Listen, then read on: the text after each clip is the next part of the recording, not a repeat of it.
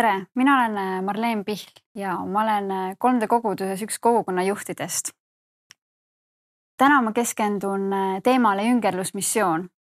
sul võib see sõna tunduda esmapilgul ehk keerulise mõistena, aga tahan sind täna võtta kaasa ühele teekonnale või siis missioonile, mis aitab sul selle sõna tuuma näha ning seda paremini enda jaoks mõista kas sa usud Jumalat või mitte, siis mina usun, et äh, saad siit enda jaoks nii mõnegi mõtlemapaneva idee kaasa võtta.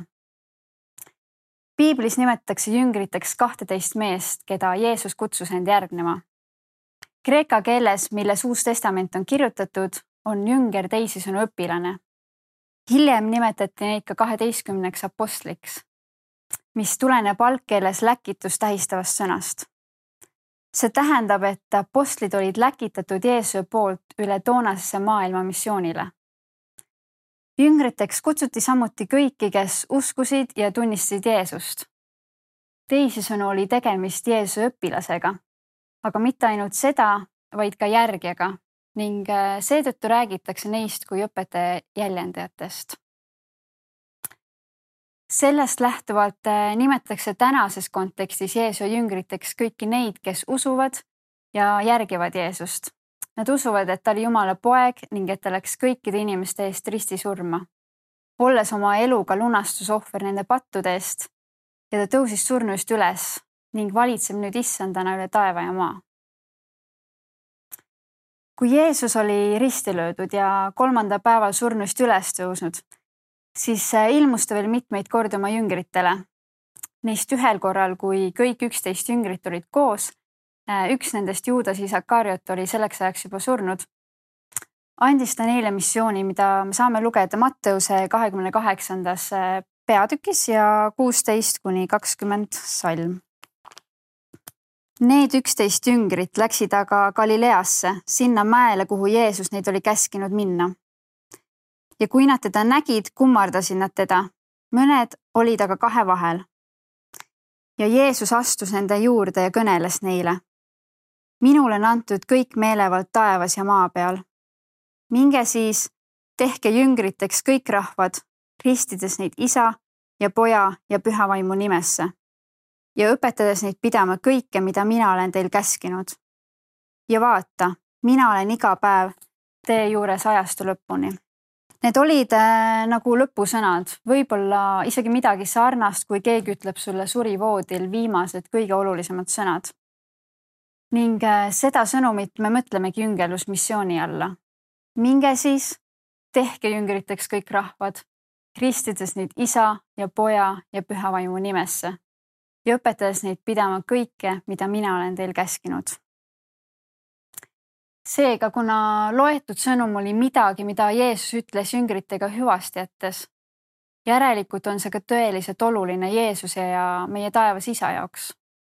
See on midagi, mida ta on kutsunud meid kõiki oma järgeid tegema. seega, kui sa oled Jeesuse jünger, siis sa oled ka jüngrite tegija.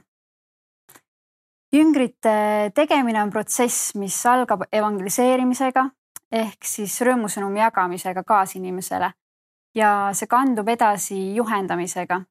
see on selline mitmeetapiline, äh, näiteks inimese kutsumine, talle evangeeliumi jagamine, esmaste ususammude teha aitamine, äh, juhendamine usus või siis sügavam õpetamine. jüngritest saavad selle protsessi käigus ka ise uute jüngrite tegijad ehk äh, õpilastest saavad õpetajad ühes äh, inspireerivas raamatus Igavik kestab praegu, mis on kirjutatud USA koguduse Menlo Church pastori John Ortbergi poolt, on kirjas sellised mõtted. me vajame rada, mida mööda käia. Teekonda ilma raja või suunata nimetatakse ekslemiseks. vaimuliku elu eesmärk on igal hetkel teha järgmine samm suurel teekonnal Jumala juurde. jüngerdamine ongi aidata kellelgi neid samme oma teekonnal astuda et ta jõuaks Jumalale lähemale. ärme lase inimestel ekselda lihtsalt ilma suunata. tahan teile rääkida oma loo. Ma nägin äh, hiljuti inimest, kes mängis väga suurt rolli selles, et mina leiaksin Jumala. ma ei olnud teda juba ligi kümme aastat näinud ja mul tulid pisarad silma, kui ma hiljem mõtlesin, kuidas tänu sellele ma võin täna Jumalat tunda, et tema lasi end Jumalal kasutada üksteist aastat tagasi läksin äh, tundmata isiklikult Jumalat ühele kristlikule suvefestivalile. mind pandi väike gruppi, mille juht oli tema. Ma ei tundnud sealt grupist mitte kedagi, aga mul oli seal hea olla. läbi festivali toimunud grupi aegade jagas ta avatult oma elust Jumalaga. Äh, ta suhtles meie kõigiga eraldi, ka muul ajal, tegi nalja ja samas suunas meid otsima viimasel õhtul äh, toimus üks kontsert, kus ta jagas ühe bändi liikmena midagi, kus Jumal viis minu jaoks kõik otsad kokku. Tema sõnumi kaudu jõudis mulle kohale, et Jumal on päriselt olemas ja, ja armastab mind. hiljem, et ma midagi tal oleks oma kogemust jagasin äh,, palus ta, et äh, saaks minuga veel eraldi vestelda. sain jagada, mida ma kogesin ning tema korda andis äh,, tema omakorda andis mulle edasi juhiseid, kuidas Jumalat otsida ning me palvetsime selle kõik Jumala kätte. Teate, mis mind äh, eriliselt täna sellele kõigele tagasi mõeldes puudutab?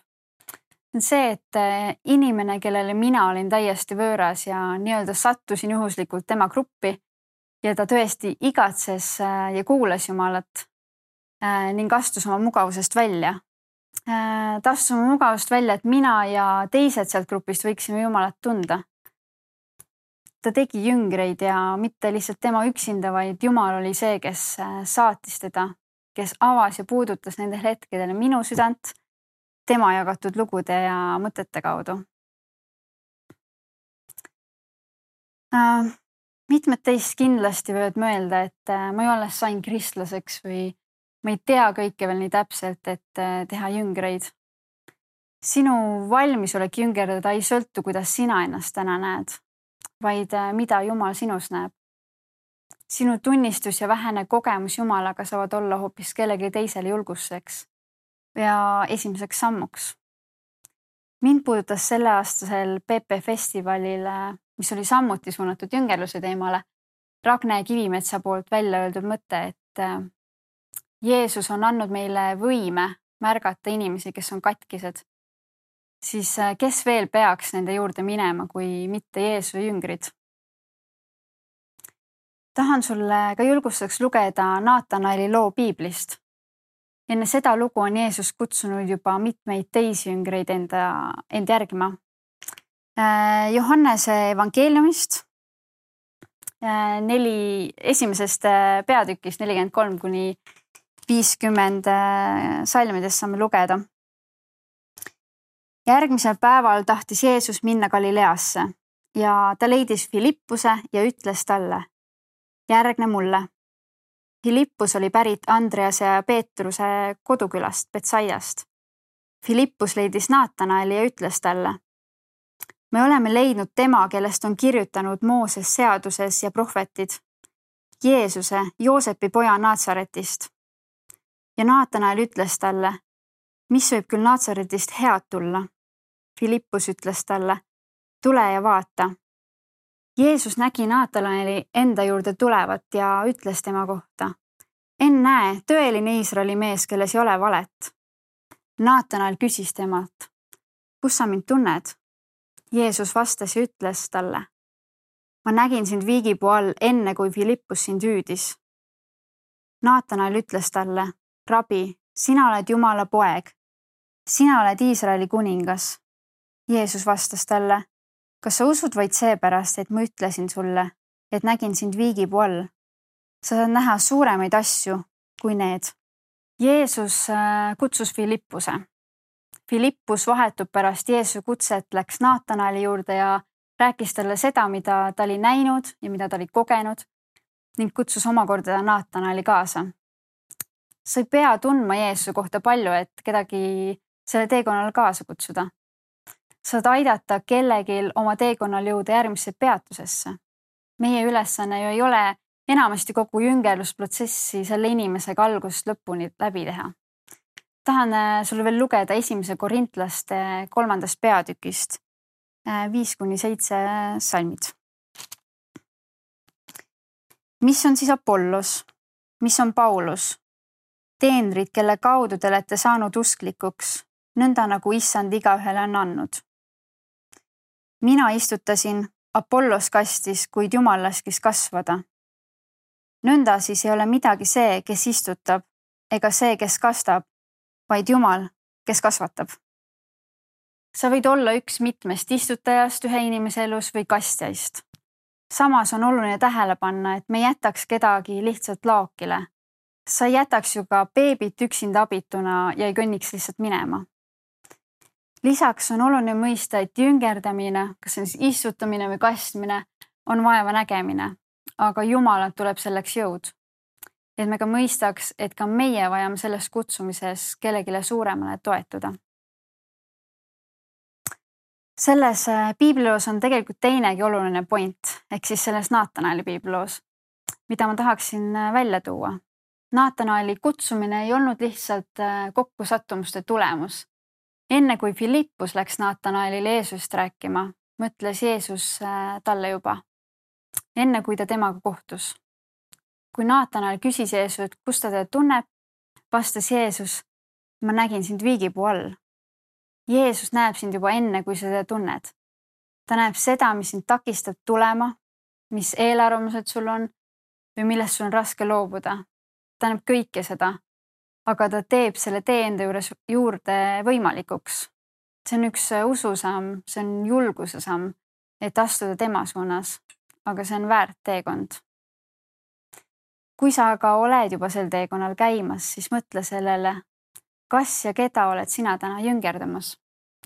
see võib olla keegi, kellele üritad pidevalt evangeeliumi jagada või hoopis keegi, kes on juba Jumala enda jaoks leidnud ning aitad tal esimesi, võib-olla hoopis kahekümnendaid, kolmekümnendaid, sajandaid samme usus teha.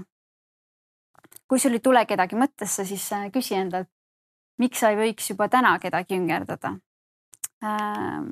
tahan lugeda veel sulle Matteuse üheksandast peatükist kolmkümmend viis kuni kolmkümmend kaheksa salmid. ja Jeesus rändas läbi kõik linnad ja külad õpetades nende sünagoogides ja jutlustades evangeeliumi kuningriigist ja parandades kõik haigused ja kõik nõtrused.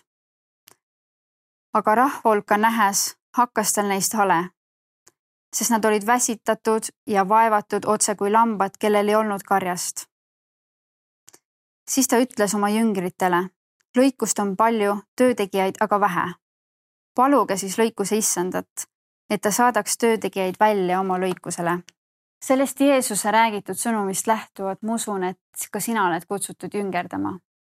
Jeesus oli kaksteist jüngrit, meil ei pea olema nii palju jüngreid. taotle täna kvaliteeti, mitte kvantiteeti. võta sina näiteks omale kolm inimest, kellel aitad, kelle aitad usuteekonnal lähemale liikuda. temaga lähedasemaks saada, usus kasvada. ja ära mine neid inimesi kaugele otsima. ma usun, et sul on täna jüngerlussuhted juba olemas. Need on inimesed sinu ümber. samuti ära ürita ka kedagi jüngriks lihtsalt teha, kui ta seda ei soovi. jüngrite tegemise aluseks on ikkagi see, et inimene ka tõesti tahab seda ise. sa võid ka küsida, kuidas jüngerdamine käib. sellele ei olegi tegelikult ühest vastust. nagu, nii nagu iga inimene on erinev, nii ka lähenemine igale inimesele on erinev ning lõpuks ongi koostöö Jumalaga. mida rohkem me Jeesust tundma õpime, seda rohkem muutuvad meie mõtlemine ja teod Jeesusele sarnasemaks.